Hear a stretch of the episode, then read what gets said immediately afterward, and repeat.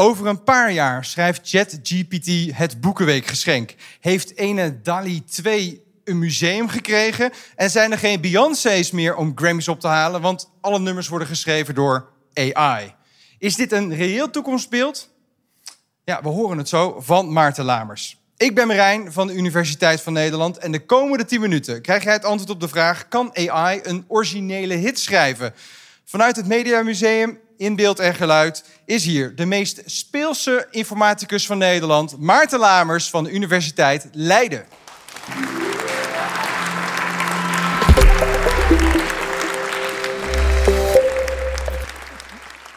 Wat een goede vraag. Kan AI een originele hit schrijven? Je zou het ook aan ChatGPT kunnen vragen. Het programma dat teksten genereert waarover we zoveel in de media lezen. En dat hebben we natuurlijk gedaan. En, uh, dus de vraag die aan ChatGPT werd voorgelegd was: kan AI een nieuwe hit schrijven? En ik ga het antwoord voorlezen. Het antwoord van ChatGPT was: het antwoord is nee. Hoewel er AI-systemen zijn die melodieën en teksten kunnen genereren, hebben ze nog niet de creativiteit om een volledig originele hit te schrijven. Al dus ChatGPT. Dus ze kunnen wel teksten en melodieën schrijven, maar geen originele hit. Hoe zit dat nou eigenlijk? Om dat te begrijpen moet je weten hoe hedendaagse AI werkt. En om dat te begrijpen is het heel handig om eens te kijken hoe mensen eigenlijk de wereld om zich heen een beetje leren begrijpen. Mensen zijn heel goed in het herkennen van patronen. Om een voorbeeld te noemen, als ik een uh, toekan zie, dat is zo'n vogel met zo'n grote, of als we een toekan zien, zo'n vogel met zo'n grote gele snavel, dan weten we eigenlijk allemaal wel dat het een vogel. En dat weten we niet omdat we alle vogels die er op de wereld zijn, nou allemaal uit ons hoofd geleerd hebben welke een vogel is en welke niet. Nee, dat weten we omdat we in ons leven zo vaak een vogel hebben gezien, dat we het patroon hebben leren herkennen van wat een vogel is. En als we dan een plaatje zien van een toekan, eigenlijk weten we op dat moment, hey, dat voldoet aan dat patroon, dat is blijkbaar een vogel. Niet alleen herkennen we dat, eigenlijk op basis van het feit dat ik dat patroon, of we dat patroon geïnternaliseerd hebben, in ons hebben, um, kunnen we ook een vogel tekenen. Dat kunnen we dus. Nou, zo werken lerende computers eigenlijk ook. Dus de type AI waar we tegenwoordig zoveel over lezen. Het zijn lerende machines. Eigenlijk ontdekken die ook patronen in data. En dat zijn dus getalletjes, dus het kunnen foto's zijn, alle dingen die je in een file kunt slaan. Dat kunnen stukjes muziek zijn. En zo kunnen computers bijvoorbeeld vissen leren herkennen in foto's. Het is goed om te weten dat zo'n patroon, dat ontdekt de computer dus uit al die data. En dat komt dus op een of andere manier in dat computergeheugen terecht. Maar dat programmeren we er niet zelf in. Om je een idee te geven, de, uh, er was ooit een groep wetenschappers... en die gingen inderdaad een computer leren om vissen te herkennen uit plaatjes. En er was een bepaalde vis, de zeelt. En dat is een, een soort grote karper, een karperachtige vis. En die computer die ontdekte dat een zeelt makkelijk te herkennen is op een foto... want die heeft namelijk vingers. Is heel raar. Maar wat blijkt nou? De zeelt is een vis die, waar vissers trots op zijn als ze hem vangen. En dus maken ze graag een foto dat ze hem vasthouden. En dus op heel veel foto's van de zeelt staan menselijke vingers. En als dat heel vaak zo is, is dat een patroon. Dus de computer leerde dat patroon van, hé ja, een zeelt heeft vingers. En uh, sterker nog, toen ze op een gegeven moment een foto van een zeelt aan diezelfde computer gaven zonder die vingers erop, herkende de computer het ook niet eens als zijnde de zeeltvis. Nou, dat is wel heel interessant. Nou is het zo dat als een computer zo'n patroon geleerd heeft eigenlijk uit die data, dan kan hij daar ook nieuwe plaatjes, of wat hij ook geleerd heeft, nieuwe objecten van maken. Zo is er bijvoorbeeld een computer die kan heel goed fotorealistische menselijke gezichten bedenken eigenlijk van mensen die niet bestaan. En elke keer dat je hem vraagt, bedenken ze een nieuw gezicht, komt hij weer met een nieuw gezicht, wat echt wel fotorealistisch is, maar het is niet een gezicht dat daadwerkelijk bestaat. Het is niet een gezicht van iemand die bestaat. Zo is er ook een computer die de muzikale stijl van de Beatles heeft leren herkennen. En die is vervolgens gebruikt om een liedje te componeren in de stijl van de Beatles. Daar zullen we nu een fragment van horen.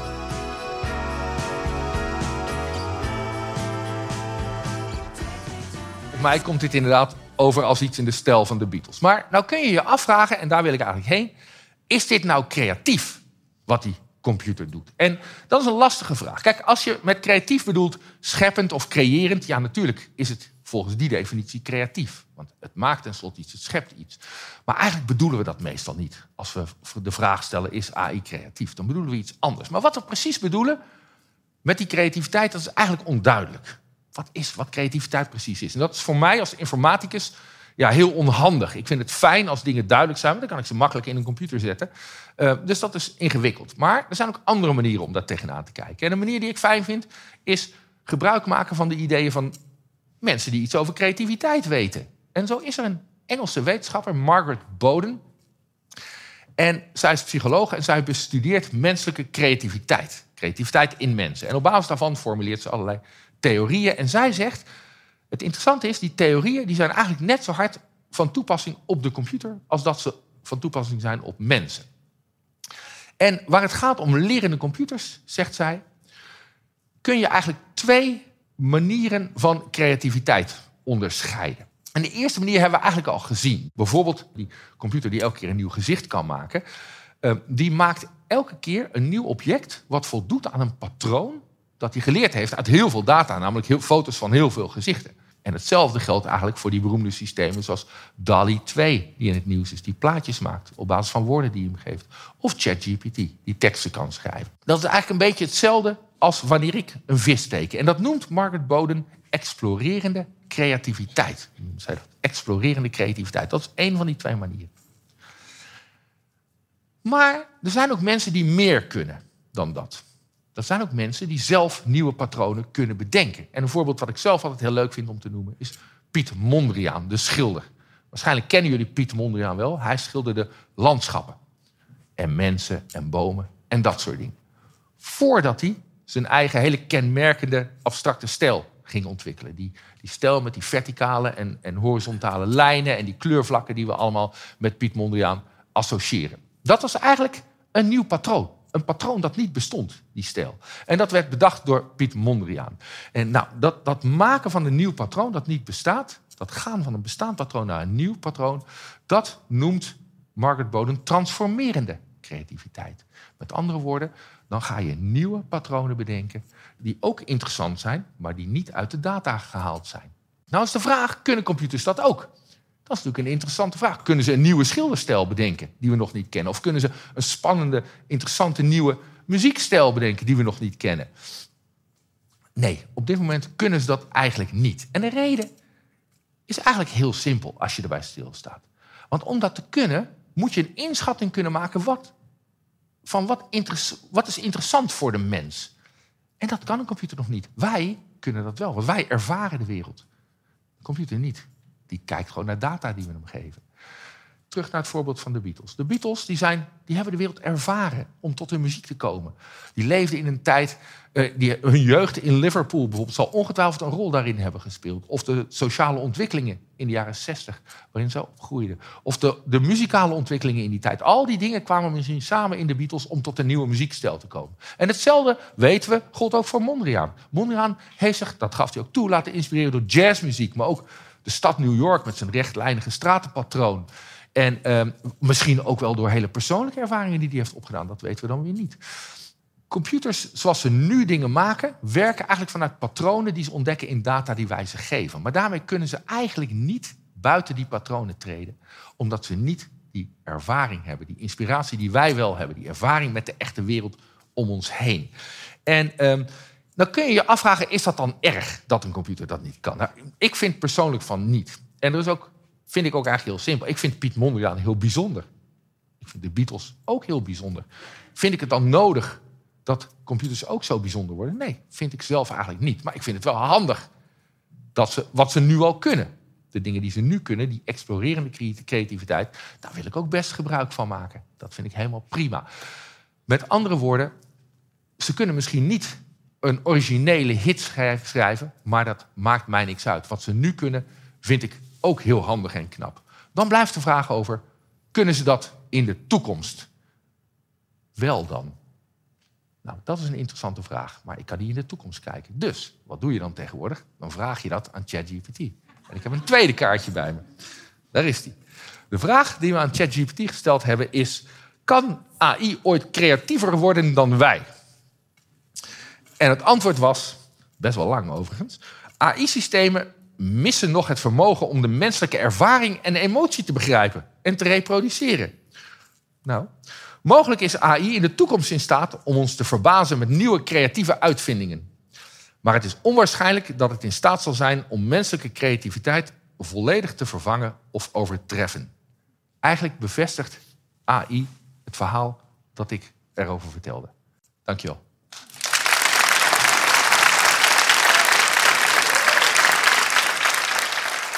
Oké, Maarten. Nou, er zullen vast al vragen zijn in de zaal over... Ja, kijk, hop. Daar ging een heel snel vinger, daar ook een heel snel vinger. Ik heb deze hier al eerder vingers zien opsteken. En ik zie ook een nieuwe meneer die een vinger heeft opgestoken. Dan mag die even eerst. Ik hou de microfoon vast. Oké, vooruit. ik, uh, ik vroeg me af, je had het over exploratieve uh, creativiteit. Ja. Hebben mensen dat ook in, in feite? Ja, zeker. zeker. Ja, ja. Als ik, uh, ik ga zo op het tweede deel van de vraag, maar ik ga dit vast beantwoorden. Dat is dat als ik een tekening van een uh, vis maak, dan maak ik dat eigenlijk zoals jullie ook allemaal waarschijnlijk wel een vis zouden tekenen. Ik ga niet in één keer hele abstracte vormen tekenen zoals Piet Mondriaan dat misschien gedaan zou hebben. En eigenlijk is dat exploratieve creativiteit. Ik, ik, ik genereer iets wat voldoet aan dat patroon dat ik uit al die waarnemingen heb ik dat patroon, al die uit al die waarnemingen heb ik dat patroon samengesteld. En met dat patroon maak ik iets wat voldoet aan dat patroon. En dat is exploreren, exploreren of exploratieve creativiteit. Ja. En uh, er zijn natuurlijk best wel veel, nou, steeds meer rechtszaken ook uh, over ChatGPT of over AI die uh, um, copyright um, misbruiken. Zou je niet ook kunnen zeggen dat een AI op, op basis daarvan zijn eigen copyright zou moeten krijgen? Omdat hij ook exploratief creatief is? Ja, Maarten. Oei. Um, nou, laat ik met beginnen met, met dat ik ben geen uh, intellectual property deskundige, helemaal niet zelfs. Maar ik vind het een interessante vraag. Um, moet hij zijn eigen copyright krijgen? En dan bedoel je niet een eigen soort copyright. Nee, moet het copyright van dat, die output dan worden toegekend aan ChatGPT? Ja, dat kan me best wel voorstellen. En ik kan me vaag herinneren dat er een zaak is geweest bij van een, over een aap, als ik me niet herinner. Een aap die ergens een natuurfotograaf was tegengekomen, de camera had afgepakt op het moment dat de natuurfotograaf niet oplette, een foto van zichzelf per ongeluk had gemaakt, of in ieder geval niet intentioneel. En uh, dat was een hele mooie foto. En toen die fotograaf zijn camera terugkreeg, werd dat dan ook een hele beroemde foto. En toen zeiden mensen, ja, maar die foto mogen wij gewoon vrijelijk gebruiken. En die fotograaf zei, nee, nee, nee, nee, nee dat is mijn foto. En uh, ik meen, maar dat weet ik echt niet zeker, want dit is echt niet mijn expertise copyright. Maar ik meen me te herinneren dat toen een rechtszaak zegt: nee, nee, dat copyright ligt niet bij die fotograaf. Dat ligt bij die, bij die aap, of in ieder geval niet bij de fotograaf. Nou, dat lijkt me een beetje de kant op gaan waar jij op gaat. Ik kan me best voorstellen dat daar aparte regels voor komen. Laat ik het zo zeggen. Um, ja, ik heb een vraag. Um, uh, je hebt twee vragen gesteld aan ChatGPT. Mm -hmm. En. Um, in, uh, in mijn beleving uh, suggereerde je dat, dat uh, ChatGPT de waarheid vertelde. Maar ik heb eens een keer een situatie gehad. Er vroeg een Deen in het Deens aan ChatGPT of hij Deens sprak. En toen zei ChatGPT in perfect Deens: Nee, ik spreek alleen Engels. Geweldig, geweldig, geweldig. Mooi, mooi, mooi. Daar wil ik wel wat over zeggen. Want ik heb twee queries in deze presentatie gebruikt van ChatGPT en de antwoorden daarbij genoemd. En ik heb niet gezegd dat ChatGPT de waarheid spreekt. Dat vind ik ook echt niet. Bij de eerste heb ik gezegd, nou, dat is een interessant uitgangspunt voor deze presentatie. En bij de tweede heb ik gezegd, het bevestigt wat ik ook zei. Nou, dat zou je kunnen zeggen, ja, dan zie je dat dus als waarheid. Maar dat is niet een statement over dat ChatGPT in het algemeen de waarheid geeft. Sterker nog, mijn zoontje van tien jaar, die heeft uh, drie weken geleden een spreekbeurt gedaan op school over, raad het al, ChatGPT. En uh, een van de dingen die hij in de klas deed live was aan ChatGPT vragen: hoeveel is uh, 4 plus 5? En dan zegt ChatGPT keurig: dat is 9. En dan typt hij in: nee hoor, dat is 10. En wat zegt ChatGPT dan? Oh, sorry, je hebt gelijk. 4 plus 5 is 10. Nou, maar dat is heel interessant. Want is ChatGPT dan incorrect of niet? Vanuit een wiskundig oogpunt of rekenkundig oogpunt ja, natuurlijk is hij dan incorrect. Want mijn zoontje heeft hem verteld iets wat niet waar is. En ChatGPT bevestigt, zegt, oh, je hebt gelijk.